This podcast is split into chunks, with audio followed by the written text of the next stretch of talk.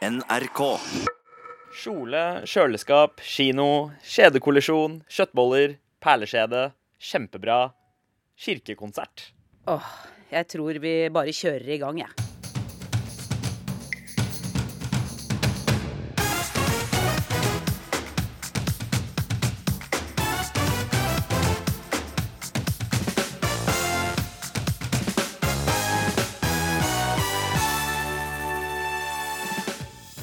Besetningen på KNM Helge Ingstad har havnet i en grusom offentlig gapestokk, sier tidligere skipssjef. Vi kan ikke sitte stille og vente på etterforskningen, svarer redaktør. Vi tar sjøslaget her i ukeslutt. Magnus Carlsen viser hjernemuskler i sjakk-VM. KrF viser seg fram ved forhandlingsbordet til Erna. Men greier KrF å holde hodet over vann? Det er fristende å si at uh, det uh, Erna Solberg, Siv Jensen og Trine Skei Grande nå skal forhandle med, er norsk politikks Helge Ingstad. Michelle Obama er ute med bok om livet som førstedame. Senterpartiets Trygve Slagsvold Vedum er mannen som bød Michelle opp til dans. Can I have a dance with you? Og så sa han nei, det sa jeg. Det var et rødt, da. Fikk avslag på grått papir. Hvor mange kjønn finnes egentlig? En hel rekke, skal vi tro Espen Ester Pirelli Benestad. Bare to, svarer Espen Ottosen og refererer til Gud. Velkommen til ukeslutt. Jeg heter Kari Ørstavik. Det blir snart mer om skjole og skjøttkaker, men først til dagens landsomfattende demonstrasjon. Det blir nemlig demonstrasjoner med, mot endring av abortloven over det ganske land i dag. Statsminister Erna Solberg har sagt at hun er åpen for å endre abortloven. Det er som musikk i ørene til KrF, noe helt annet for dem som mener at abortloven overhodet ikke skal røres. Og disse vil altså ta til gatene i dag. Vi skal til Fredrikstad nå og til reporter Sara Vilde Solås. Demonstrasjonene begynner klokka 14. Hva skal skje i Fredrikstad? Ja, Her i, i, Fredrikstad så er det venta at uh, utrolig mange kommer til å møte opp for å demonstrere mot uh, mulige endringer i abortloven. Her starter de ved Katti Anker uh, Møller-statuen i byen her, og så skal det gå et tog. Og de som arrangerer demonstrasjonen her i byen, det er 8. mars-komiteen med Elisabeth Lønnå i spissen. Hva demonstrerer mot i dag? Vi demonstrerer mot at Erna og regjeringen forsøker å mekke med abortloven, som vi syns kanskje ikke er helt perfekt, men bra, fungerer bra, og som vi har kjempet oss frem til gjennom mange år. Hva gjør det med deg? Hvordan får det deg til å føle? Du demonstrerte mot abortloven, eller abortsaken på, på 70-tallet. Hadde du trodd at du måtte demonstrere igjen i 2018? Nei, så langt kunne vi ikke tenke fremover i det hele tatt. Vi trodde at nå var det i boks. I 1978, da abortloven var vedtatt, så var vi bare glad og lykkelige for det. Og tenkte ikke på at det skulle komme forskjellige typer forandringer. Stikk, stikk motsatt av hva vi ønsket oss. Så det skal altså demonstreres her i Fredrikstad og i over 30 andre byer i Norge i dag. Bli med videre og hør kvinnegruppa Ottar svare på hvorfor de nekter menn å tale under abortdemonstrasjonene i dag.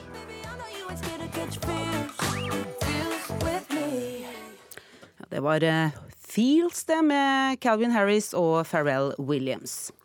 Denne uka har debatten nok en gang blusset opp om norsk språk og uttale. Og nok en gang er det skjøtt og skjole som får sitt pass påskrevet. Stortingsrepresentantene Mathilde Tybring-Gjedde og Freddy André Øvstegård har begge fått krass kritikk for ikke å uttale KJ-lyden riktig. Men Tybring-Gjedde og Øvstegård får, eller har språkforskerne på sin side, faktisk. Skjøtt og skjole kan ikke lenger regnes som en talefeil. Det er språkutvikling som det ikke er mulig å gjøre noe med. Petter Skjerven, journalist, språkentusiast og tidligere programleder i språkprogrammet Typisk norsk. Hva synes du om at KJ-lyden forsvinner? ja, hva syns man om det? Det er jo et, er jo et faktum at uh, man uh, oppleves som litt umoden, rett og slett. Hvis man ikke behersker den lyden. Eh, Det er noe barnslig ved det. Og det er jo Men det er bare nå. Det vil jo forsvinne, det jo, òg, i og for seg, eh, men det er derfor, vi, på måte, det er det lugger i oss. Det er jo den siste lyden barn lærer. Det er en vanskelig lyd, og det er jo det, litt av forklaringen på hvorfor den forsvinner òg, er fordi den er vanskelig. da. Akkurat som en rulle-R og tynn L og alle disse tingene. Så latskapen øh, vasker litt i språket vårt, og på en måte gjør disse distinksjonene, disse for, nyansene, litt øh, grovere, da. Sandeep Singh, du er programleder i NRK. Du kaller deg språknerd, faktisk. Men du sier jo skylling og kjøttkaker og kjøttboller. Ja, altså jeg, jeg øh, bruker øh, mine evner øh, litt andre steder. Jeg må kompensere, for jeg veit hvor manglene mine er. Jeg ble faktisk ikke bevisstgjort på at jeg uttalte lyden feil før jeg begynte på videregående. Eh, Jeg gikk på barneskole og ungdomsskole Oslo sør. Eh, Der er det litt andre språkprioriteringer eh, enn å drive og pirke på sånne nyanser. Eh, og så begynte jeg på videregående på vestkanten. Det var først da jeg forsto at det var en forskjell mellom kjøtt og kjøtt. Oi, du kan det hvis du vil. Jeg kan det, men da må jeg konse, og da, eh, da skjer det ting Da i stopper det litt opp. Ja, fordi, fordi Da må jeg bruke prosesseringskraften i hjernen heller på å konsentrere meg om uttalen av en liten nyanse, enn å bruke den på viktigere ting som f.eks. syntaks eller altså setningsoppbygging, da, eh, som er viktigere. Innholdet er viktigere enn disse små nyansene. Ja, skjerven. Hvis man forstår innholdet, så er det jo viktigste er jo å forstå det. Det er, selvfølgelig er det det. Og jeg må, det er, jeg, det er, jeg må prøve å ha to tanker i hodet på, på en gang her. Fordi jeg, jeg elsker jo å ta vare på disse nyansene fordi de, de gir et høyere presisjonsnivå. Det er masse sånne fine ting ved det å ha alle disse auditive eller disse språklige byggeklossene intakt. da. Men samtidig så er det jo det med å få igjennom et budskap og vise engasjement og være til stede for andre mennesker og kommunisere med andre mennesker. Det er jo disse perfeksjonistene som kan absolutt alt i rettskrivingsordboka og utfører det også muntlig, kan jo fort bli verdens kjedeligste folk. ikke sant? Det er ikke nødvendigvis veldig gledelige folk å møte. Det kan være tørrpinner og idioter. Mens, Men du, det kan det få konsekvenser for skriftspråket at eh, man ikke lærer seg KJ-lyden? Det vil jeg tro, fordi du, når du sist sitter ved, med tastaturet eller med pennen, så skal du jo skille disse fra hverandre, for det er jo så mange forskjellige skrivemåter som representerer både slyden og ch-lyden, ikke sant? Så hvis du da ikke klarer å ha lydforskjellen i hodet, så vil du kanskje også ha problemer med å skrive det riktig. Ja, Du må jo ha hatt litt problemer med ortografien, Sander. Eh, Faktisk ikke for meg, så har språk alltid vært litt mer visuelt. eh, Så, så eh, jeg har ikke noe problem med å skille, skille med skriftspråket. Eh, For meg Så så har det vært det at jeg skrevet ikke har hørt forskjell. kjøttkaker, kjøttkaker? Ja, ja, ja. ja. KJ. Eh, Det, det veit jeg. Men, eh, men, men eh, det, jeg veit ikke. Det er visse andre nyanser. Siden jeg vokste opp i et hjem med tre språk, så, så var det litt mange språk å beherske samtidig. Så det er noen nyanser som rett og slett har falt, falt igjennom. Og, og KJ-lyden er da kanskje ja, en av de. Men det skal sies, da. Jeg er jo en slags forkjemper av at den lyden skal Forkjemper. Ja, ikke sant?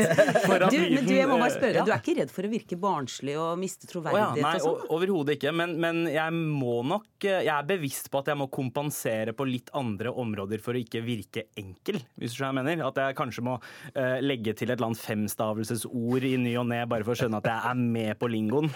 Men det, det, har- ikke sant, det sier noe om, om en persons troverdighet. Det er jo Hvis du fremstår som meget reflektert og til stede og kommuniserer godt, så, så trenger ikke den lille distinksjonen å ødelegge for deg. Men hvis du samtidig som du ikke klarer å si hysj riktig, Ja. også fremstår som litt naiv, litt enkel, ja, ikke har fått det intellektet med, så kanskje det går mot deg. Ja, da baller er det på seg. Det er jo, det er jo et eh, fremmedspråksproblem, fordi det er en vanskelig lyd for eh, andre enn norske, ja, svenske, tyske å klare å få den distinksjonen. Kommer, kommer Sandeep eh, som eh, med indisk eh, opphav eh, lettere fra dette enn en eh, vanlig nordmann, holdt jeg på å si? Ja, jeg tror kanskje at fordommene, fordommene funker posi- i positiv forstand der. Det er mulig de gjør, altså. At man føler at du, du er unnskyldt på et, på Ja, et ja, vis. ja, men, men jeg tror at den, det også gjelder altså Det er en sånn Oslo øst-fenomen også. Det har jo blitt en slags sosiolekt, mm.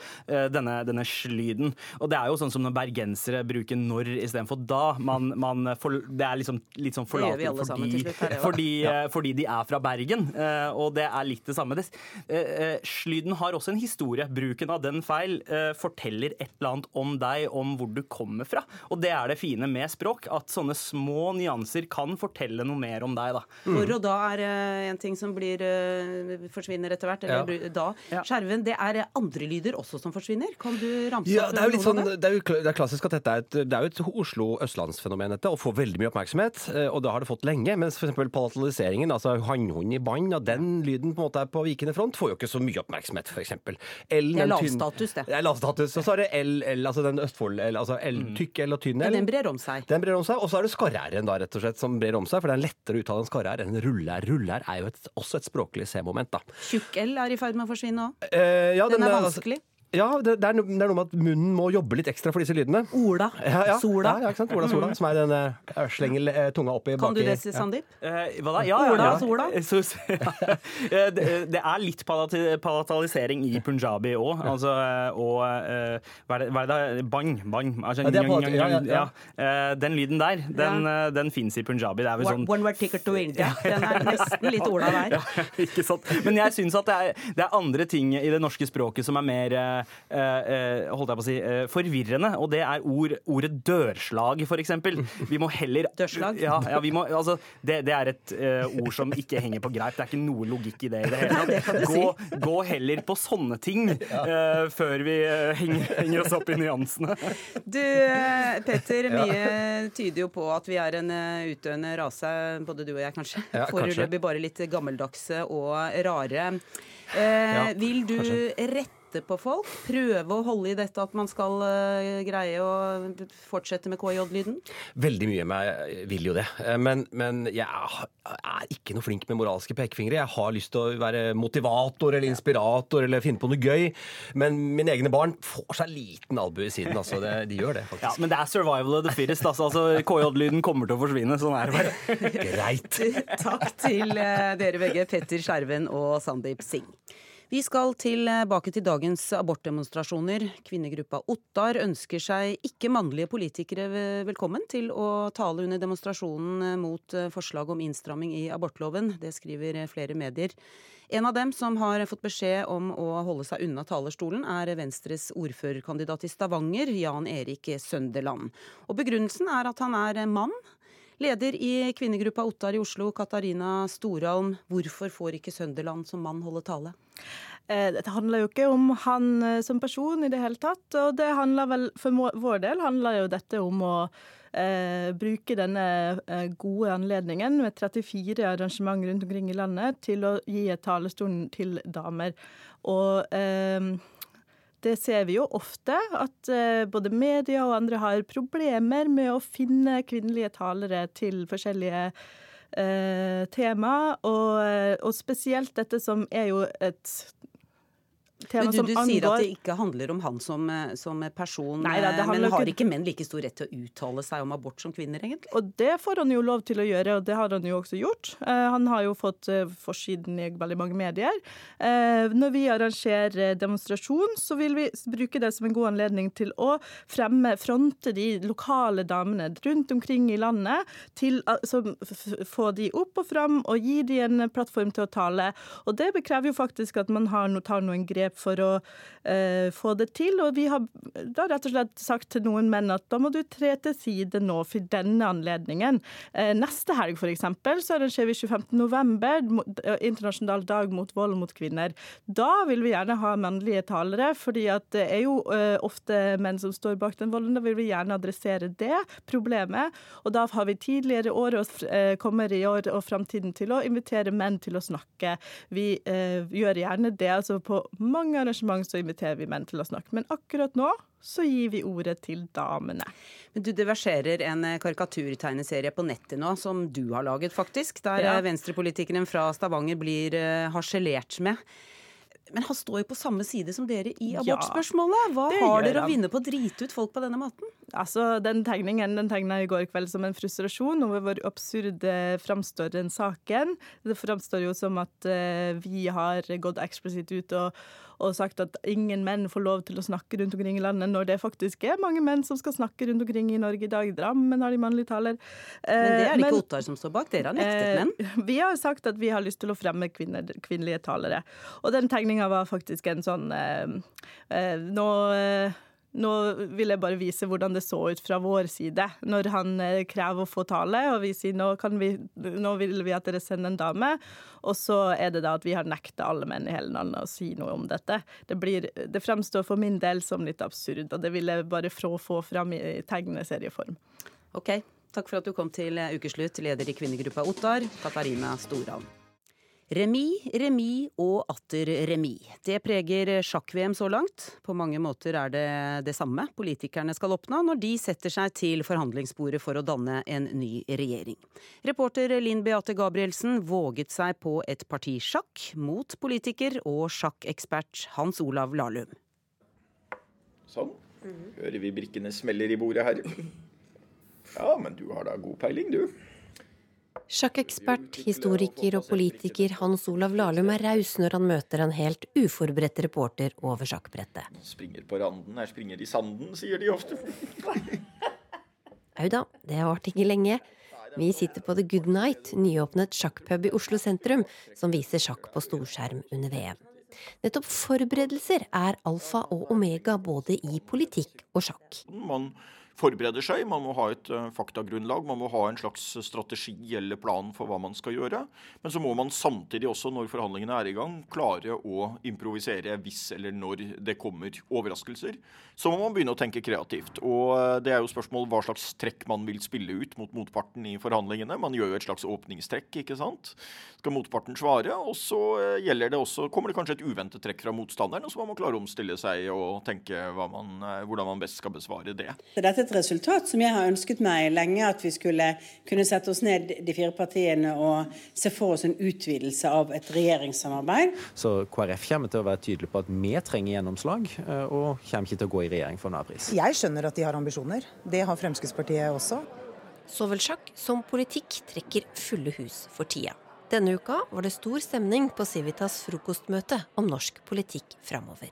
Om regionreform, eh, om eh, politireform, eh, lensmann i butikk, som vi kaller det på kontoret.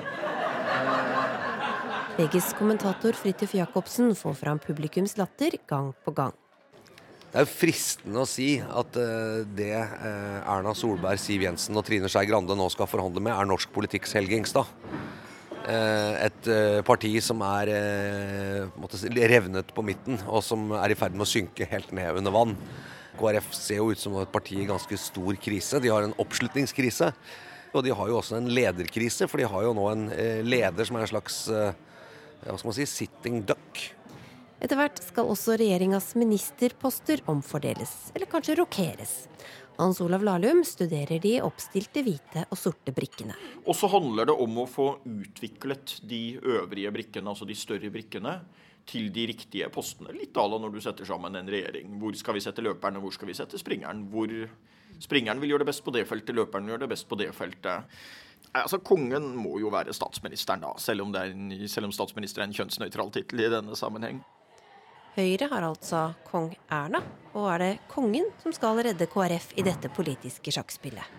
Erna som livbøyen, ja. ja kanskje, eller vaieren. Men Vaieren røyk jo da på Helge Ingstad, men eh, kanskje unna kjettingen, eller jeg vet ikke. Og kan heve det og liksom ta det opp og bære det inn i tørrdokken og få reparert det. Det er vel det Ropstad ser for seg, da. At dette skal bli redningen. Å komme inn i Ernas havn. Leder av tenketanken Civita, Kristin Clemet, har stor tro på at Ernas metode også skal fungere med fire partier. Altså Erna er jo opptatt av at det ikke skal være tre eller kanskje fire partier i regjering som hele tiden forhandler mot hverandre. Hun vil at alle skal delta på alt, at det nærmest skal være litt sømløst, og at de skal oppføre seg litt som om det er ett parti. Og så har hun tatt noen grep for å oppnå det som er veldig annerledes eh, sammenlignet med tidligere statsministre. Eh, nå er det jo det i sjakken at den sterkeste angrepsbrikken, og den med størst rekkevidde og sånn, er jo da den feminine brikken her, altså dronningen. Det er jo et litt radikalt element i sjakken, at mens kongen er den viktigste, så er dronningen den klart mest fryktede og den sterkeste angrepsbrikken. Skal vi kanskje si at det er finansministeren som er dronningen? Eh, har veldig stor betydning hvor de økonomiske disponeringene eh, går, i hvert fall. Frp sitter altså med selveste dronning Siv Jensen. I sjakk-VM er spillerne sjelden fornøyd med en remis, et slags avtalt uavgjort, mens det er kanskje nettopp det som er poenget i politikken. I sjakk så er jo på sett og vis målet å vinne. Og det er det jo på sett og vis også i forhandlinger, men i sjakk så er det jo på en måte tre mulige utfall. Det er seier, tap eller uavgjort. I forhandlinger så er det en mye større skala mellom. Og målet er jo på sett og vis å finne en en slags remiavtale, altså et slags forhandlingsresultat som begge kan fremstille som en seier, eller begge kan oppfattes som en seier og si seg fornøyd med. Og der er det jo en viss forskjell, da. Blir det noe sjakkmatt? Ja, om noen blir matt, får vi se. Nå er det nesten fristende å si at noen i KrF blir vel på sett og vis matte her. Fordi det er vel faktisk, eh, Hvis disse forhandlingene nå lykkes og KrF går inn i regjeringen, så kan man jo argumentere for at eh, partileder Hareide er blitt matt. Får vi se, nå får jeg vel utvikle dronningen her og se om vi ser hvordan du forholder deg til en liten trussel. Nei, nå tør jeg ikke mer. Nei, vi kan ta et avbrudd i forhandlingene der.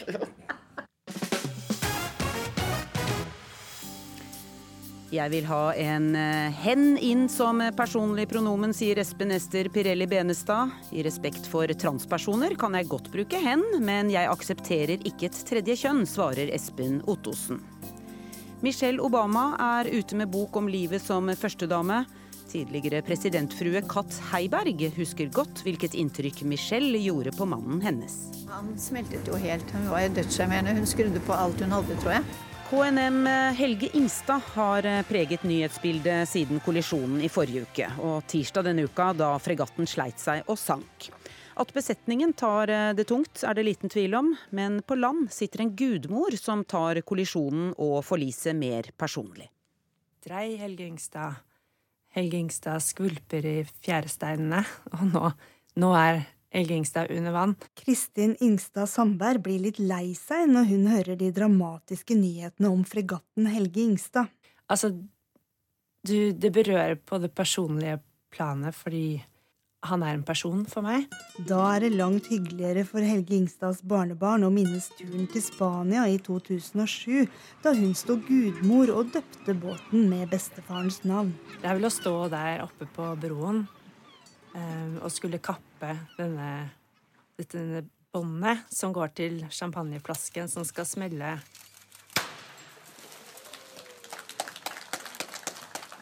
Men kanskje enda mer den følelsen av å se båten sånn sige sakte ned, ned i sjøen, og hvor rørt alle de rundt meg var.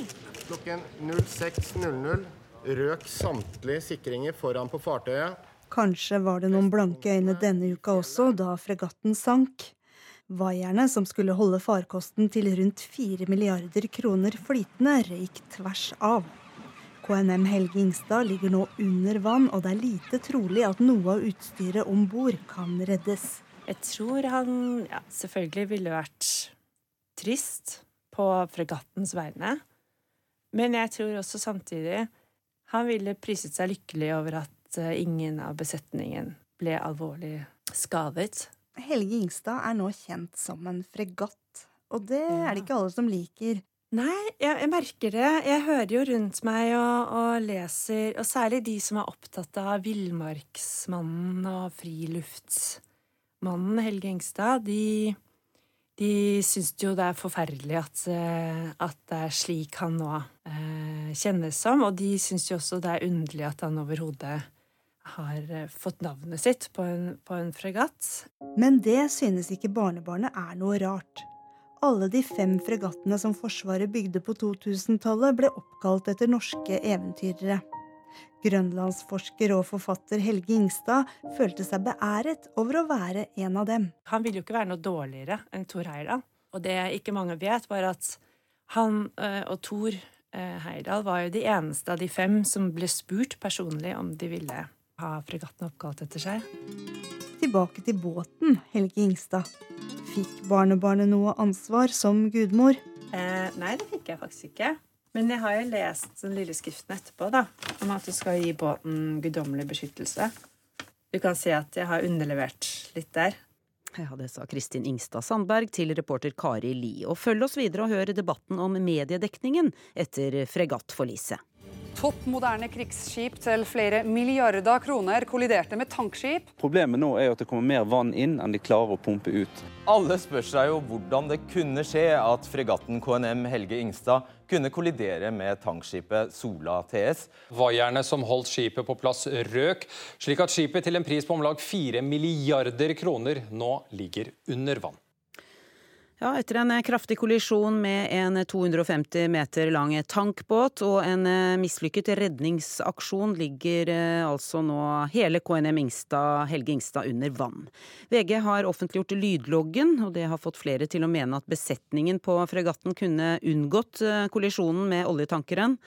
Å oppkonstruere hendelsen, slippe til stemmer og starte offentlige spekulasjoner for å jakte på syndebukker, blir for meg nesten grusomt. Det skriver du i Bergens Tidende denne uka, Helge Nikolaisen.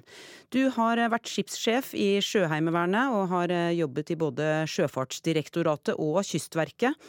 En fregatt til nesten fire milliarder kroner har gått ned. Hvorfor synes du det er så ille at media har saker om hva som kan ha skjedd? Så Først av alt så ønsker jeg å overlevere alle mine beste tanker til offiserene og mannskapet som var om bord på KNM Helge Ingstad natt til torsdag i forrige uke. Og Jeg vil at de skal vite at eh, jeg tenker på dem, og at jeg forstår hvordan mange av dem har det nå. Eh, så ønsker jeg å si at det er en, det er en alvorlig sak det her med, med tungtveiende nasjonale interesser. Så sånn sett så forstår jeg godt at man er på. Men det er menneskelige hensyn. og å ta. Eh, og Derfor bør alle være tjent med at undersøkelsesmyndighetene utfører saken med maksimal sikkerhet og tilbørlig hurtighet. Men noen må jo ha gjort en grov feil her. Skal man ikke påpeke det? Ja, så det, som jeg, som jeg sier, så eh, det å vurdere skyldspørsmål eh, ut ifra bruddstykker ut av en seløs eh, samt ufullstendige lydlogger fra en annen parts eh, visuelle bilder, det skal man være svært forsiktig med. Kjetil Stormark, du er ansvarlig redaktør i aldrimer.no, som skriver om Norges forsvar og sikkerhet. Hoder bør rulle, skriver du i en artikkel hvor du lister opp flere feil. Hvorfor venter du ikke til etterforskningen er ferdig? Vi vet ganske mye om det som har skjedd. Eh, og vi vet eh, at det er gjort en god del feil, både i forhold til eh, forut for denne kollisjonen og, i forbindelse med den bergingsoperasjonen som Sjøforsvaret insisterte på å lede selv.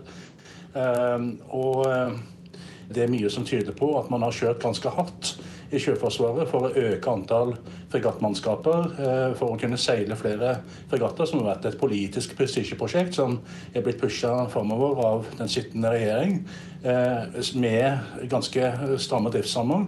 Jeg har pekt på at dette er faktisk et dyktig fregattmannskap, som bare for noen få måneder siden ble testa i Storbritannia av det fremste hva skal jeg si, maritime militære testen i Nato-sammenheng, og fikk eh, veldig tilfredsstillende som karakter. Ja, er, det da, er, det ikke fordi, er det ikke nettopp da du bør uh, vente med å, å ta tak i dette, før man vet helt sikkert hva som egentlig har skjedd?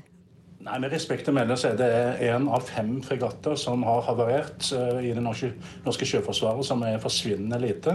Det har store konsekvenser for forsvarsevnen. Det er store eh, ressurser som har gått tapt. Fire milliarder kosta det å bygge denne fregatten. Og eh, da kan man ikke forvente at eh, vi eh, som utgjør mediene, eh, eh, sitter på hendene våre og unnlater å stille kritiske spørsmål. Det har vi en forpliktelse til å gjøre eh, på vegne av samfunnet for øvrig. Helge Nikolaisen, opplever du at de unge som sto på brua her, blir hetset? Ja, Først og fremst så vet jeg jo ikke hvem som sto på brua. Så jeg aner jo ikke hvilken alder eh, Men hva er det du reagerer dem, på? Dem befinner. Nei, Det jeg reagerer på, det er jo at man fra enkelte hold gjennom media på mange måter går ut og avdømmer situasjonen. At man på mange måter forteller hva man burde ha gjort og, og hva man ikke burde ha gjort, som jeg sier, ut ifra bruddstykker som man opplever fra annen hånds informasjon. Men Forsvaret er jo så tilbakeholdne med informasjon. Er det da så rart at media faktisk bruker andre kilder? Jeg må jo si at jeg syns vel eh, sjelden Forsvaret har vært uh, mer ute med informasjon enn akkurat i denne hendelsen, så det er jeg dypt uenig i akkurat det du sier der. Kjetil Stormark, eh, hva mener du gikk galt under selve kollisjonen og i redningsarbeidet etterpå? Det som er publisert av lydlogg, er fra bare én VHF-kanal. Det er mye sambandstrafikk her som vi ikke har fått høre noe til ennå.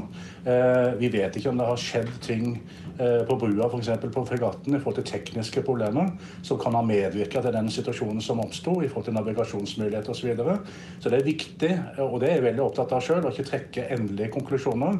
Men det jeg òg samtidig er opptatt av, er at når vi har store, alvorlige eh, hendelser som åpenbart skyldes feilvurderinger eller si, andre årsaker som er menneske, menneskeskapte.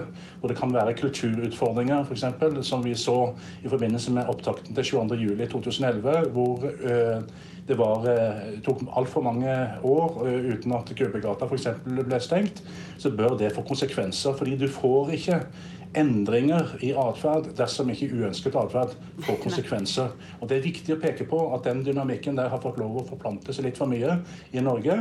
Når det gjelder eh, Forsvarets uh, informasjon uh, i denne saken, har den vært bra nok, syns du? Ja, De har vært ganske flinke på en del ting.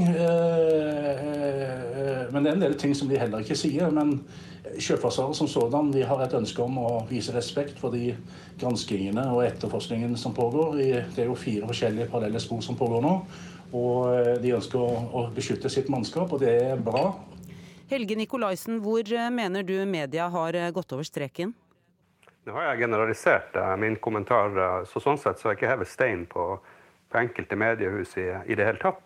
Det jeg har vært opptatt av, det er at hastighetene på nyhetene nå i 2018 de deles i stort omfang, og det er spredning gjennom sosiale medier hvor det også klippes og limes. Og det kan føre til at det etableres sannheter som er både farlige og uriktige. Og det er det jeg har vært opptatt av i denne sammenhengen. Tror du vi får vite alt til slutt, og må enkeltpersoner uh, ta sin hatt og gå? Jeg kan ikke svare på hvorvidt enkeltpersoner må ta sin hatt og gå, men eh, jeg er trygg på at vi vil eh, få vite det vi trenger å vite. Rett og slett fordi at denne saken har så store konsekvenser både økonomisk og i forhold til de dimensjonene som går på, på fremtidig sikkerhet til sjøs. Og Det er jo også et, et, arbeid som undersøkelseskommisjonen skal gjøre. og Derfor mener jeg også at det er viktig at de bruker den tida de trenger for å få frem et helhetlig bilde, og dermed også kunne gi en riktig konklusjon. Til slutt til deg, Kjetil Stormark. Tror du vi får alle svar på hva som skjedde? Det korte svaret på det er jeg vet ikke. Eh, jeg håper vi får eh, så mange svar eh, som vi trenger. Men det vil jo på en måte bare tiden vise. Ja, takk til deg, Kjetil Stormark, og takk til Helge Nikolaisen. Denne uka ba Espen Ester Pirelli Benestad på nytt språkmyndighetene våre om å innføre det personlige pronomenet hen. Det gjorde han i Aftenposten med begrunnelsen om at det finnes flere kjønn enn mann og kvinne. Greit nok å bruke hen hvis det er eh, noen som ønsker det, men eh, flere kjønn finnes ikke, mener Espen eh, Ottosen. For Gud skapte mennesket til enten mann eller kvinne. Vi har begge Espenene med oss. Først til deg, Espen Ester Pirelli Benestad, transperson, lege og professor i sexologi. Hvorfor er det så viktig for deg å få inn hen som personlig pronomen? Jo, det er jo fordi at de av oss som føler sånn, skal kunne speiles også av et ord i språket. Det finnes et ord også for oss. Hvis det ordet ikke finnes, så gir det en følelse av ikke være velkommen eller ikke eksistere. Så, så i, i det øyeblikket vi oppdager noe nytt, vi mennesker, så setter vi navn på det. Og det kan være greit nok med et eget navn. Det er vanskeligere med pronomen, men ikke desto mindre, vi trenger det. Espen Ottosen, teolog, filosof og informasjonsleder i Norsk Luthersk Misjonssamband. I en replikk i Aftenposten bruker, sier du at du gjerne bruker 'hen' i respekt for transpersoner, men du aksepterer ikke at det er tre kjønn. Er ikke det litt selvmotsigende? Nei, for meg så handler det egentlig bare om å ha to tanker i hodet på en gang. Eh, jeg ønsker å vise respekt for eh, transpersoner. Og Pirelli Benestad signaliserer at for han er det viktig å bli kalt hen. Og det respekterer jeg. Jeg har ikke noe ønske om å provosere unødig. Men så er jeg altså uenig i hans forståelse av kjønn. Eh, jeg mener at kjønn ikke er noe som flyter Eh, og at det egentlig ikke stemmer å si at det fins et tredje kjønn. Jeg mener at det fins menn, og det fins kvinner. Og så finnes det selvfølgelig noen som ikke helt passer i kategorien. Det finnes ulike sykdommer eller avvik eller syndromer. Det finnes noen med litt sjeldne kromosomvarianter. Og, og jeg benekter ikke det, men jeg syns ikke det er grunnlag for å si at det dermed fins tre kjønn. Er du en sykdom eller et eh, syndrom, Espen Ester? Ja, det er det, vet du. At hvis friske mennesker, som jeg pleier å si, kan både like kjøttkaker og bo i Kristiansand, skal kalles for syndromer eller sykdommer, så er ikke det bra. Eh, det gjør ikke livet godt for de menneskene det dreier seg om. Jeg har lyst til, jeg syns det er så spennende det Ottesen sier. for Jeg er jo helt enig i at for at det skal bli flere mennesker på jorden, og det har vi jo virkelig fått til, så trenger vi både sæd og et avleveringssystem for sæd, og vi trenger et mottakersystem, og vi trenger en livmor, og vi trenger alle disse tingene. Gode egg òg. Det er vel egentlig så, bare to ting vi trenger for å få flere mennesker ja, på jord? Ja, men det skal leveres og møtes. vet du, ikke sant? Er, veien er lang fra det ene til det andre for at det skal komme sammen. Og, og hvis, for Jeg har også tenkt på det. Eh, jeg lærte jo også i sin tid at det var to kjønn, og ferdig med det. Men så har jeg måttet på en måte endre det standpunktet litt. Og jeg tar så gjerne utgangspunkt i skaperverket, for det det er jo på en måte det det dreier seg om, og hvordan vi skal forstå det og hvordan vi skal tolke det. Ja, Espen Ottosen, aksepterer du ikke Guds skaperverk? Jo, men jeg tenker også at vi lever i en ufullkommen verden. Eh, det er jo ut ifra kristen teologi et resultat er, av et syndefall. Mener du at det er en feil? Altså, det er jo et faktum at det blir født mennesker som verken er gutt eller jente. Er det en feil, det da, eller? Ja, så jeg skjønner jo Pirelli Benestad sin måte å tenke på her. For det er klart at det å få en diagnose, det kan selvfølgelig oppleves stigmatiserende. Men jeg syns han likevel gjør dette til en for stor sak. Altså Noen barn fødes med en nyrefeil, noen fødes med skjeve hornhinner. Noen fødes med store ting, noen med mindre ting. Og de kan bo på Sørlandet, og de kan like kjøttkaker, ja, og de kan ha gode liv, og, og, alt kan være kjempeflott. Men noen ganger så trenger de jo behandling, og da, da er det naturlig å sette en diagnose. Og disse vil jo ofte kreve hormoner eller ønske kirurgi. Og, jeg har jo ingenting imot at et barn som blir født med nyrefeil, får uh, kirurgisk uh, hjelp, og så, og så, blir ting bedre. Men, men, det å si at nei, vi kan ikke kalle dette en diagnose, for da krenker vi mennesker. Jeg syns det blir å, å, snu ting litt på hodet, og tenker realiteten er uh, at det av og til er slik at noe går galt i naturen. Og så prøver vi å gjøre det beste ut av det, eh, uten at vi dermed sier at eh, vi stigmatiserer de som ikke helt passer inn i, disse kategoriene. Jeg synes jo det er stigmatiserende å kalle folk syke og feil når deres eh, utrustning på, i verden er fullstendig forenlig med gode liv. Jeg har lyst til å nevne et, et spennende eksempel som, som forstyrra meg litt. Grann. Og, det var her I 2014 så ble det da publisert en uh, artikkel om en indisk 70 år gammel firebarnsfar som var blitt operert for lyskebrokken. Og Det er jo ikke så uvanlig. Men det litt spesielle her det var at de lyskebrokket i denne firebarnsfaren, der lå livmoren hans. Og, og, mitt poeng er at vi, Det er lett å forstå at det kunne skje, men, men da må vi på en måte gå inn Han var far og ikke mor? Han var far! ja, ja, men. Vi må, og, og, det betyr at i fosterlivet der så var det fravær av noe som heter antimyllerhormon, og da kan det gå på den måten. Og, og mitt eneste poeng det, det la oss kvalifisere skaperverkets kompleksitet. Ja, for du, Espen Ester, ja. du mener at det er ikke bare et tredje kjønn, det er jo uh, hele sju kjønn? Ja, det kan du godt si. Eller en rekk, rekke av kjønn. Ja, for da trenger vi både hen og han og hønn, og det høres jo ut som et evig kaos? ja, vet du hva, dere er også enig. Det vil være veldig fint. Eh, og det er jo synd at eh, Ottesen på den ene siden respekterer transpersoner og bruker hen, men han har hittil ikke brukt om meg i denne sammenhengen. Så det viser kanskje at det kan være en stor avstand mellom vilje og det man får til. Og, og det er vanskelig å få til dette med pronomen, og derfor syns jeg vi skal begrense tilgangen på dem. Slik at det ikke blir kaotisk. Men våre barnebarn de klarer fint å si 'hen'. Og de klarer også fint å irettesette oss som er kommet litt opp i åra, når vi gjør feil. Ja, så kan de, Espen så kan vel vi. Ottosen, eh, Espen Ottosen, du greier også å bruke, bruke 'hen'. Jeg må bare stille et spørsmål til slutt. Hva er egentlig galt med et kjønnsmangfold? Hvorfor ikke bare godta at folk er forskjellige? Jo, men jeg vil gjerne godta at folk er forskjellige. Og jeg syns faktisk det er vanskelig å bruke begrepet 'hen', fordi at jeg også begynner vel å dra på åra og har, har et, en språkbruk som har satt seg litt fast. Men, men det som jeg syns er problemet, eh, det er å, å, normalisere alt. Fordi at jeg mener at det rett og slett ikke er slik leger og fagpersoner kan forholde seg til dette. Hvis man oppdager som uh, hen nå nevnte, Pirelli Benestad, at, at en mann har en livmor i en lyske, så er det jo et eller annet som ikke gikk helt etter planen. Og jeg tenker Det er ikke så dramatisk å si. Og når Pirelli Benestad også sier det finnes syv kjønn, og jeg har sett denne videoen på NRK hvor han sier at ett av disse kjønnene det er kjønnsavvisere. Du, jeg må sette så strek. jeg Takk, jeg må sette strek. Takk til dere, Espen Ester Pirelli Benestad og Espen Ottosen.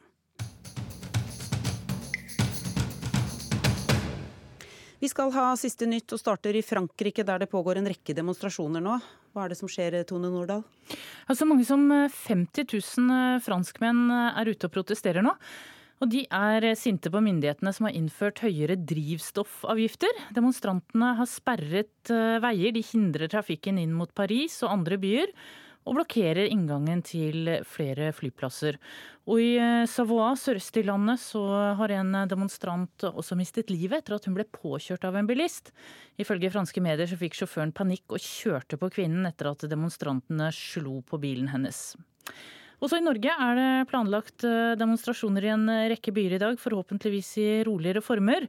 Fra Alta i nord og til Mandal i sør så samler folk seg for å protestere mot endringer i abortloven. Og så er det sesongstart i langrenn på Beitostølen, og der er eh, sprintfinalen for kvinner nettopp ferdig. Ja, og den ble vunnet av Maiken Caspersen Falla, regjerende verdensmester.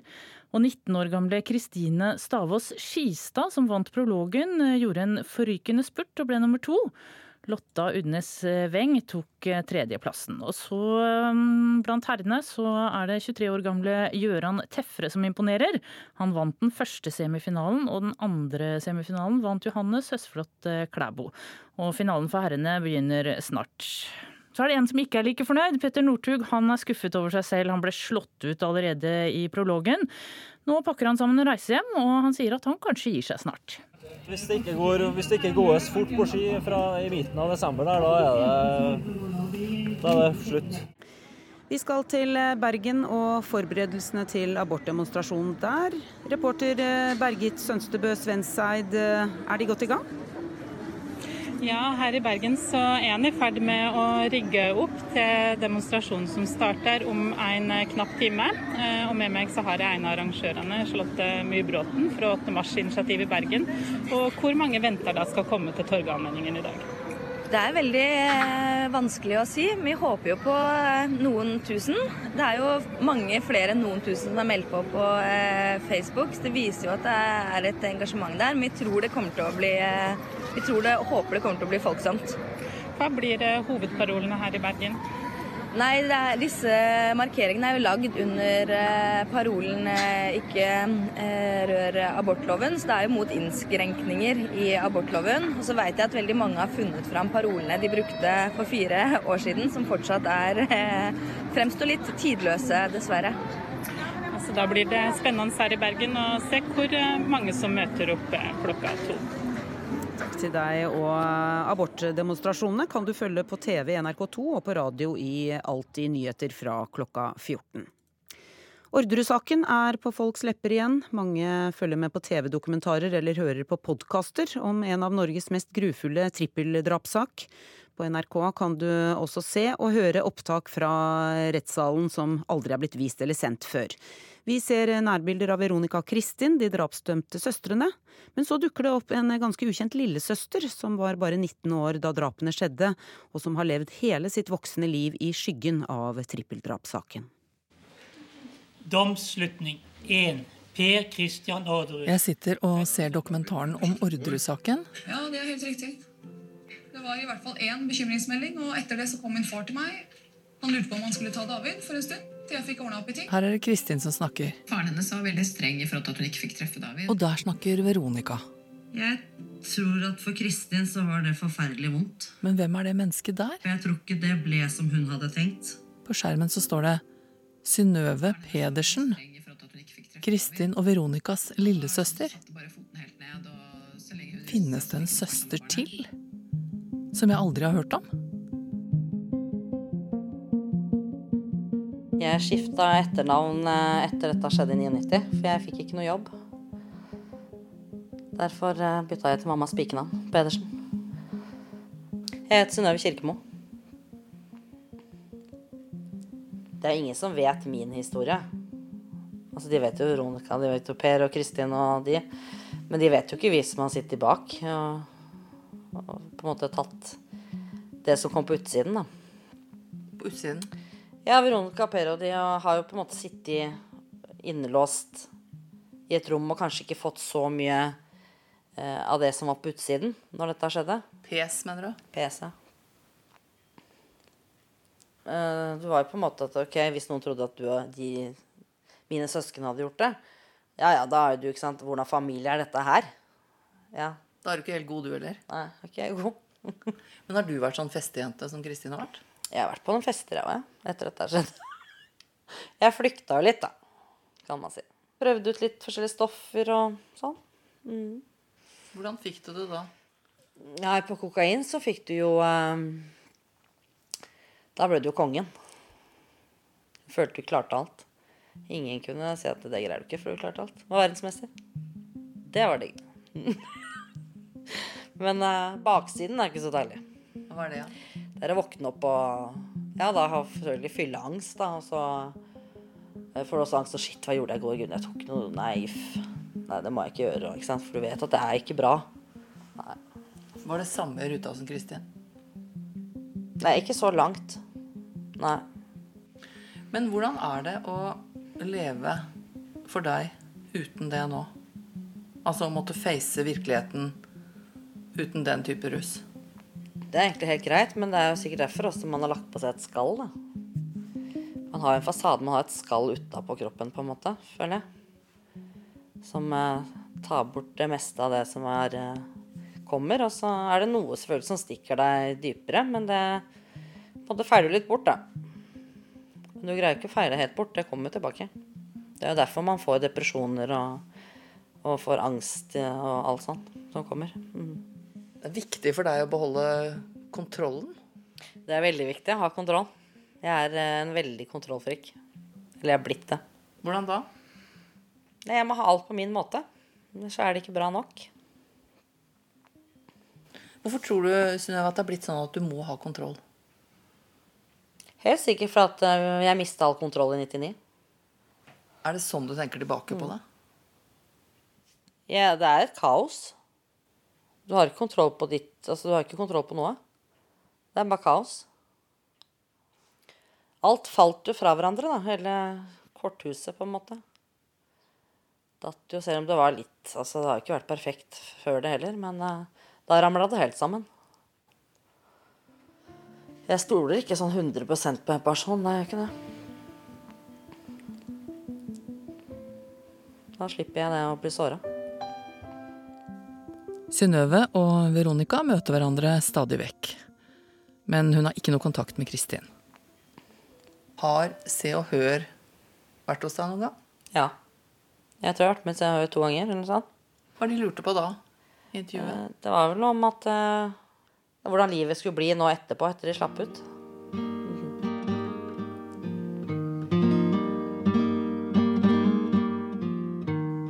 Synnøve bor i en tomannsbolig i nærheten av Sørumsand sentrum.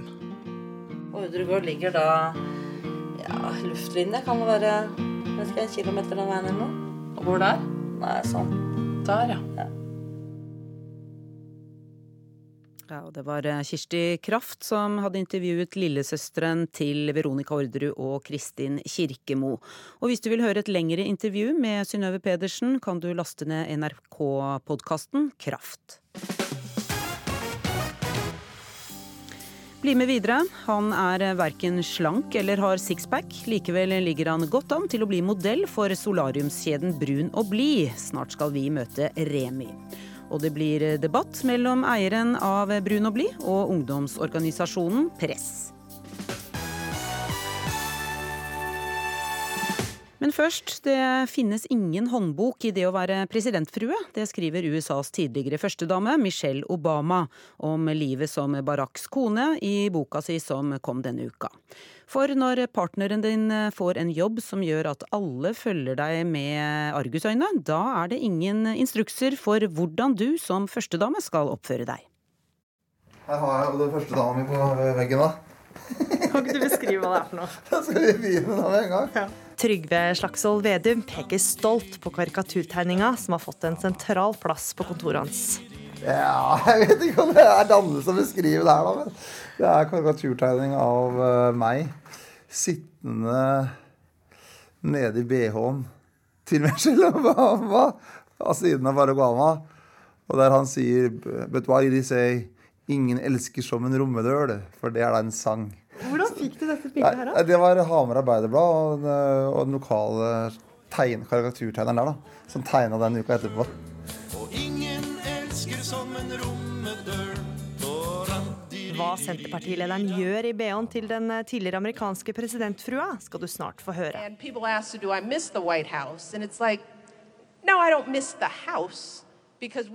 For denne uka kom boka til Michelle Obama, der hun bl.a. forteller om det å skulle finne sin plass som USAs førstedame. Det er jo veldig mange som, når vi står der, så, for eksempel, så uh, ser jeg at folk sier du, er det kona til Heiberg? En annen tidligere presidentfrue er Katt Heiberg. Det er jo veldig rart. Du får liksom utdelt noen klær som du skal være veldig glad i, og veldig glad for å, å gå i. Men uh, jeg måtte le av meg selv. Men som kona til Gerhard Heiberg, tidligere sjef for Lillehammer-OL og IOC-veteran, var det ikke gallakjoler som gjaldt under offisielle arrangementer. Der måtte hun pent finne seg i å ha på praktiske klær med OL-logo. Så da jeg liksom ble dus med uniformen og ta på meg den skyggelua som jeg absolutt ikke ville ha kjøpt selv, så, så var det liksom OK, nå er det sånn. For når den man er gift med velger en jobb i rampelyset, blir det et prosjekt for hele familien. Jeg har vært en holdt på å si Av og til har jeg følt meg som en sånn gammeldags eh, sjømannskone med god økonomi. Jeg tenkte at dette er bare tidsbestemt. Om fem år er det over. Om fire år er det over. Om tre år. Men, men det er vanskelig å trappe ned når du først har fått det inn i blodet. Så han har vært travel resten av livet.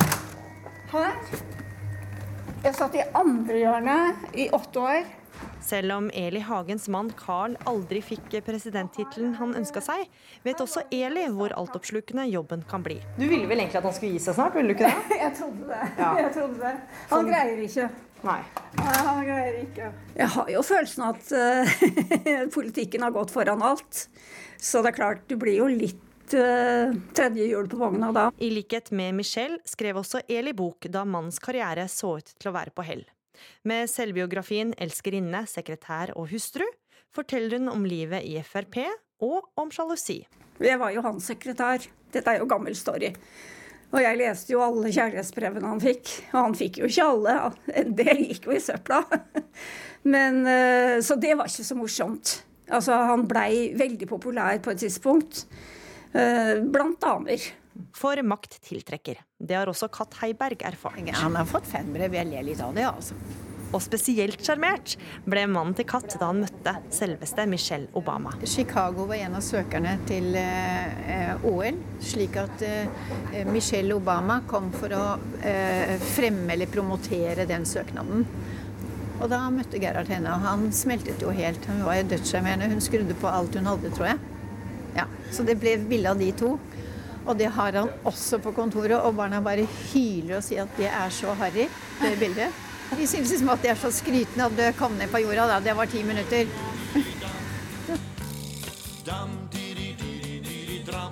Tilbake til kontoret til Trygve Slagsvold Vedum, der det ofte blir lange dager i en jobb som krever mye. Det å være partileder er jo et veldig sånn familieprosjekt. da. Eh, For at du, og du, du Det krever veldig mye raushet den du er gift med. Men så var det dette bildet, da. Det- Tilfeldighetene ville sånn at jeg dansa med venninna til eh, Michelle Obama. Eh, og så hadde jeg, sa jeg til henne at jeg hadde tulla med i forkant at jeg skulle prøvd å danse med, med, med, med Michelle. da. Og så, så, det syntes hun var så kjempegøy, for det her var jo omgangsvenner. Ah, do it, do it, do it. Og så sto uh, hun venninna til Michelle Obama og så kameraten til Barack Obama De sto liksom en sammen med kona mi. Og så heia jeg på meg da når jeg gikk over dansegulvet. Så gikk sånn forsiktig over dansegulvet da, liksom, over Gran, og så pirka jeg liksom på skuldra, sånn som du gjorde da du var 16 år. og skulle prøve så vidt det var å få dans. da. Og så sa jeg liksom på dårlig sånn Can I have a dance with you? Og så sa han nei, det sa ja. Det var trøtt, da. Så det var ikke helt bra. Så hun bare sånn I'm tired, og så, sånne ting. Og så jeg bare fikk avslag på grått papir. Det var en kalddusj. Det var skikkelig kalddusj. Men så snudde jeg meg rundt. Og hvem var det som sto der? Mette-Marit. Og jeg er jo for monarkiet. Og Mette-Marit så det var fortvilelse i mitt blikk. Og da liksom, jeg gikk bort til hun og la fram uh, hånda, så sa Jeg kan danse med deg, Trygve. Så jeg fikk danse med Mette-Marit, da. Og ingen elsker som en rommedøl. På Hedmarken må de ordne allting sjøl. Reporter her, det var Gry Veiby. Og nå blir det mer love. Det er viktigere enn noensinne å ta tak i kroppspress blant unge. Det tenkte 20 år gamle Remi Berland, og meldte seg på modellkonkurransen til solariekjeden Brun og blid. Konkurransen har vært gjennomført hvert år siden 2010. Vinneren av finalen blir neste års frontfigur for Brun og blid. Remi Berland, denne uka lå du langt foran de andre deltakerne, og det ser ut som du er i ferd med å kuppe hele modellkonkurransen, og kan bli den som troner på plakater og reklamer for solarier over hele landet. Hva syns du om det? Det syns jeg er på en måte rett. Jeg syns det er på en måte rett at samfunnet tar en endring, og det føler jeg er med å skape det. Jeg tror at det si, Oppmerksomheten jeg har fått rundt det hele, og folkene som er med og støtter opp og deler og liksom sånne ting. Jeg tror det, jeg tror det er flere som vil ha en endring. Mm. Du, er jo, det er litt vanskelig for radiolytterne å vite på hvilken måte du skiller deg fra de andre brun og blid-modellene. Mm. Beskriv kroppen din.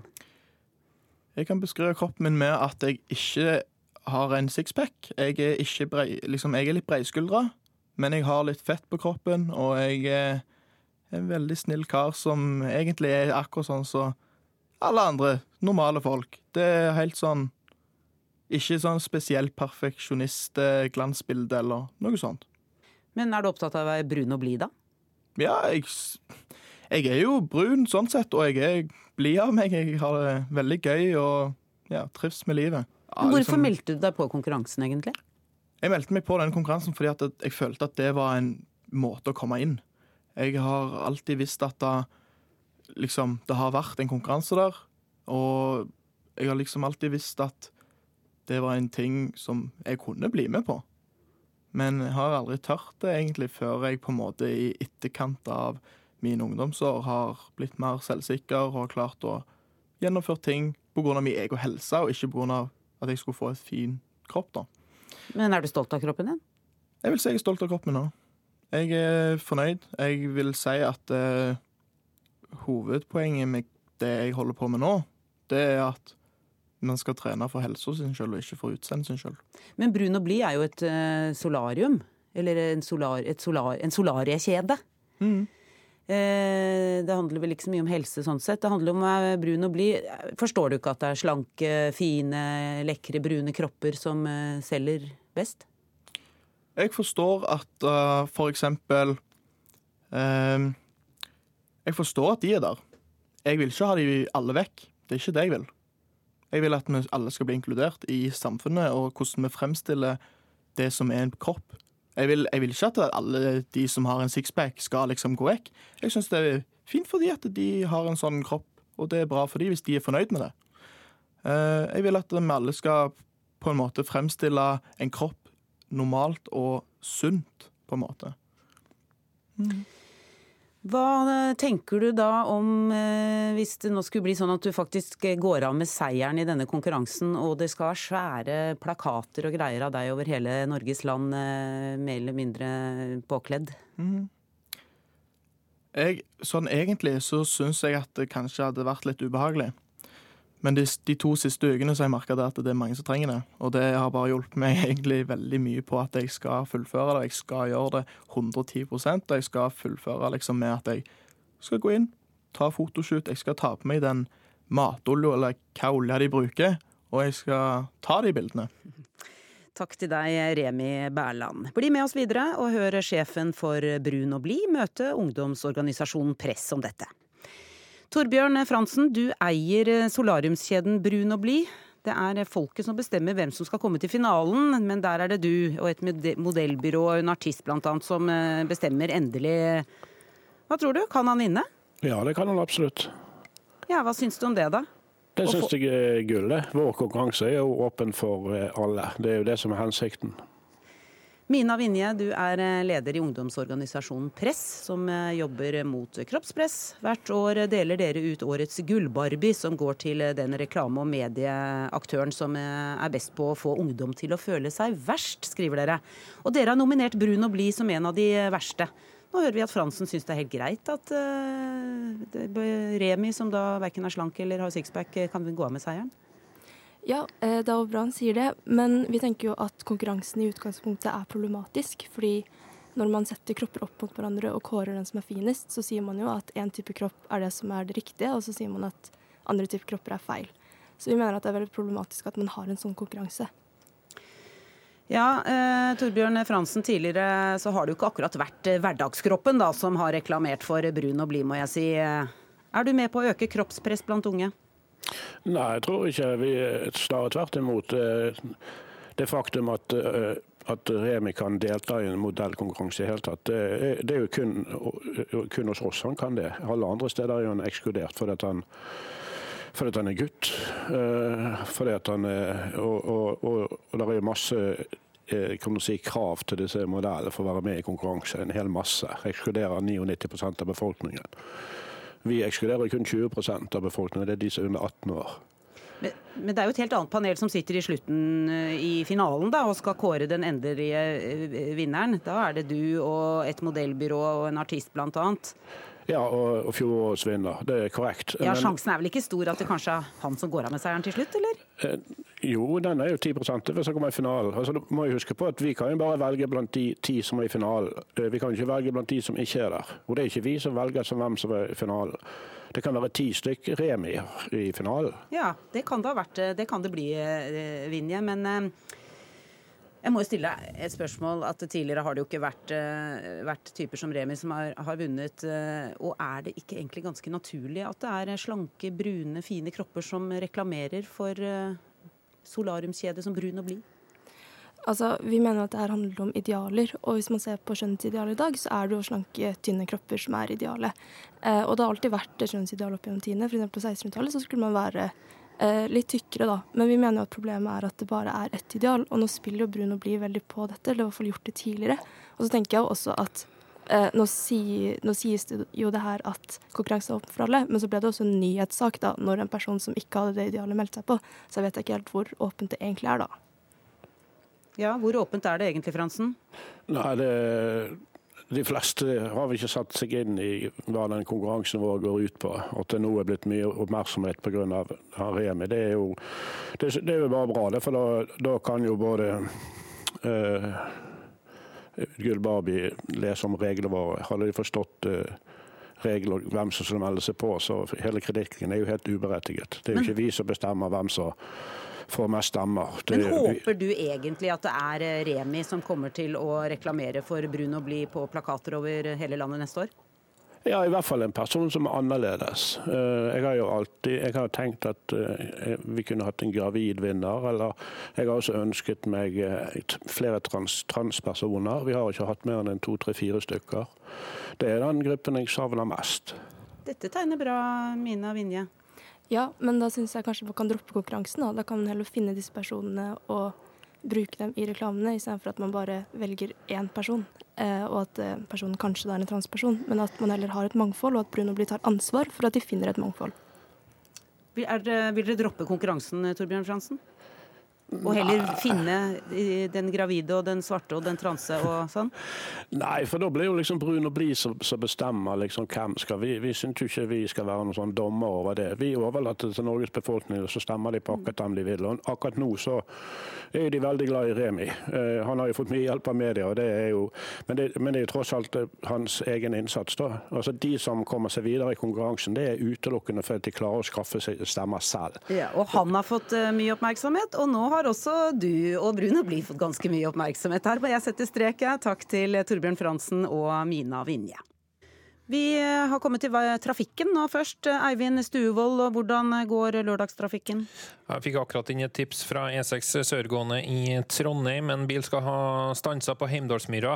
Det skal være mulig å passere der, men eh, det vil raskt bli mye kø dersom den bilen blir eh, stående.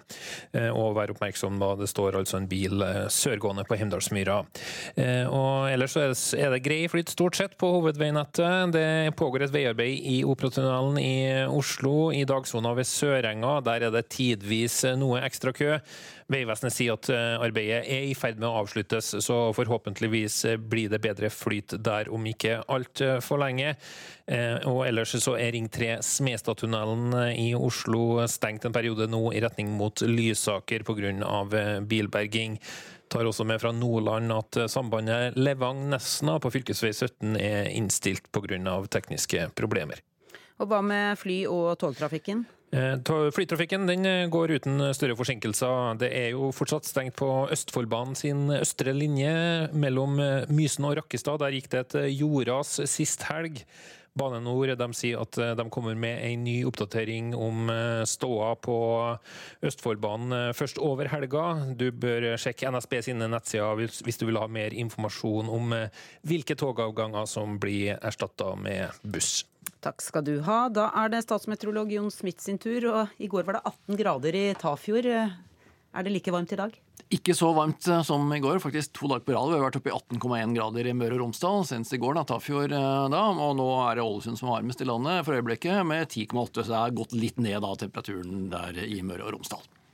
Og ellers, hva kan du si om været i dag? Ja, ellers er det Spitsbergen. Eh, der er litt snø som har begynt å komme inn der. da, så Det er sørvest kuling, og i morgen så går den nedbøren over til sludd og regn. Temperaturen stiger, blir en to-tre pluss grader så er eh, vinden som har vært i natt og i dag i Troms og Finnmark i minking. Det er fortsatt nordlig stiv kuling i Finnmark, og det er byger, men både vinden og bygene skal gi seg i stort sett i løpet av kvelden. da. I Nordland er det i ferd med å gi seg allerede, og det er blitt oppholdsvær de fleste stedene. Når det gjelder morgendagen i Nord-Norge, så blir det oppholdsvær. Eh, litt sånn ja, til dels pent vær enkelte plasser, mens andre steder får litt eh, mer skyer og noen lokale tåkeskyer kanskje her og der. På ettermiddagen får vi vestlig stiv kuling på Finnmarkskysten igjen. I Sør-Norge så er det stort sett rolige vindforhold. Det er oppholdsvær over det hele, men skydekket varierer litt. Det er litt sånn tåkeskyer her og der. Noen steder ligger i lavlandet, og noen steder som litt opp i høyden, så er det litt vanskelig å si detalj akkurat. Men i hvert fall det er litt sol også sånn eh, da innimellom. I morgen så blir det litt av det samme. Høytrykk som ligger over Sør-Norge. Stort sett uh, oppholdsvær uh, der. Litt mer vind kanskje på kysten av Agder, opp i en liten kuling fra østlig retning. Også litt sånn variasjon med tåkeskyer og noen skyflak her og der i morgen, men da sol innimellom. Og, er det noe snø noen steder? Uh, ja, det er jo snø i en del av fjellområdene. Vi har sett fine bilder fra Beitostølen i dag, hvor tåkeskyene lå lavere enn Beitostølen. I går så lå de i høyde med Beitostølen, så der var det ganske tett, midt inne på stadion der. Så der, det er jo snø i deler av fjellområdene, men det er ikke noe særlig nysnø. Sånn, bortsett fra, fra, kanskje over en 400 meter Finnmark som har fått uh, nysnø i, i dag. Da, og vi må nok vente noen dager på denne snøen. Uh, tar vi noen temperaturer klokken 13 i dag, så da i de store byene Tromsø hadde 4 grader, og Trondheim hadde 8, Bergen 10, Kristiansand 8 og Blindern 6 grader. Og så er det varmt i fjellet også. Juvasøet i Jotunheimen, 1880 meter over havet, de hadde 4 grader. Takk for at du hørte på Ukeslutt. Ansvarlig for eh, sendingen var Julia Afshari Kaasa. Teknisk ansvarlig Hanne Lunås. Og her i studio Kari Ørstavik. Og Ukeslutt kan du høre når du vil, eller hvor du vil. Enten som podkast eller i NRKs nettspiller.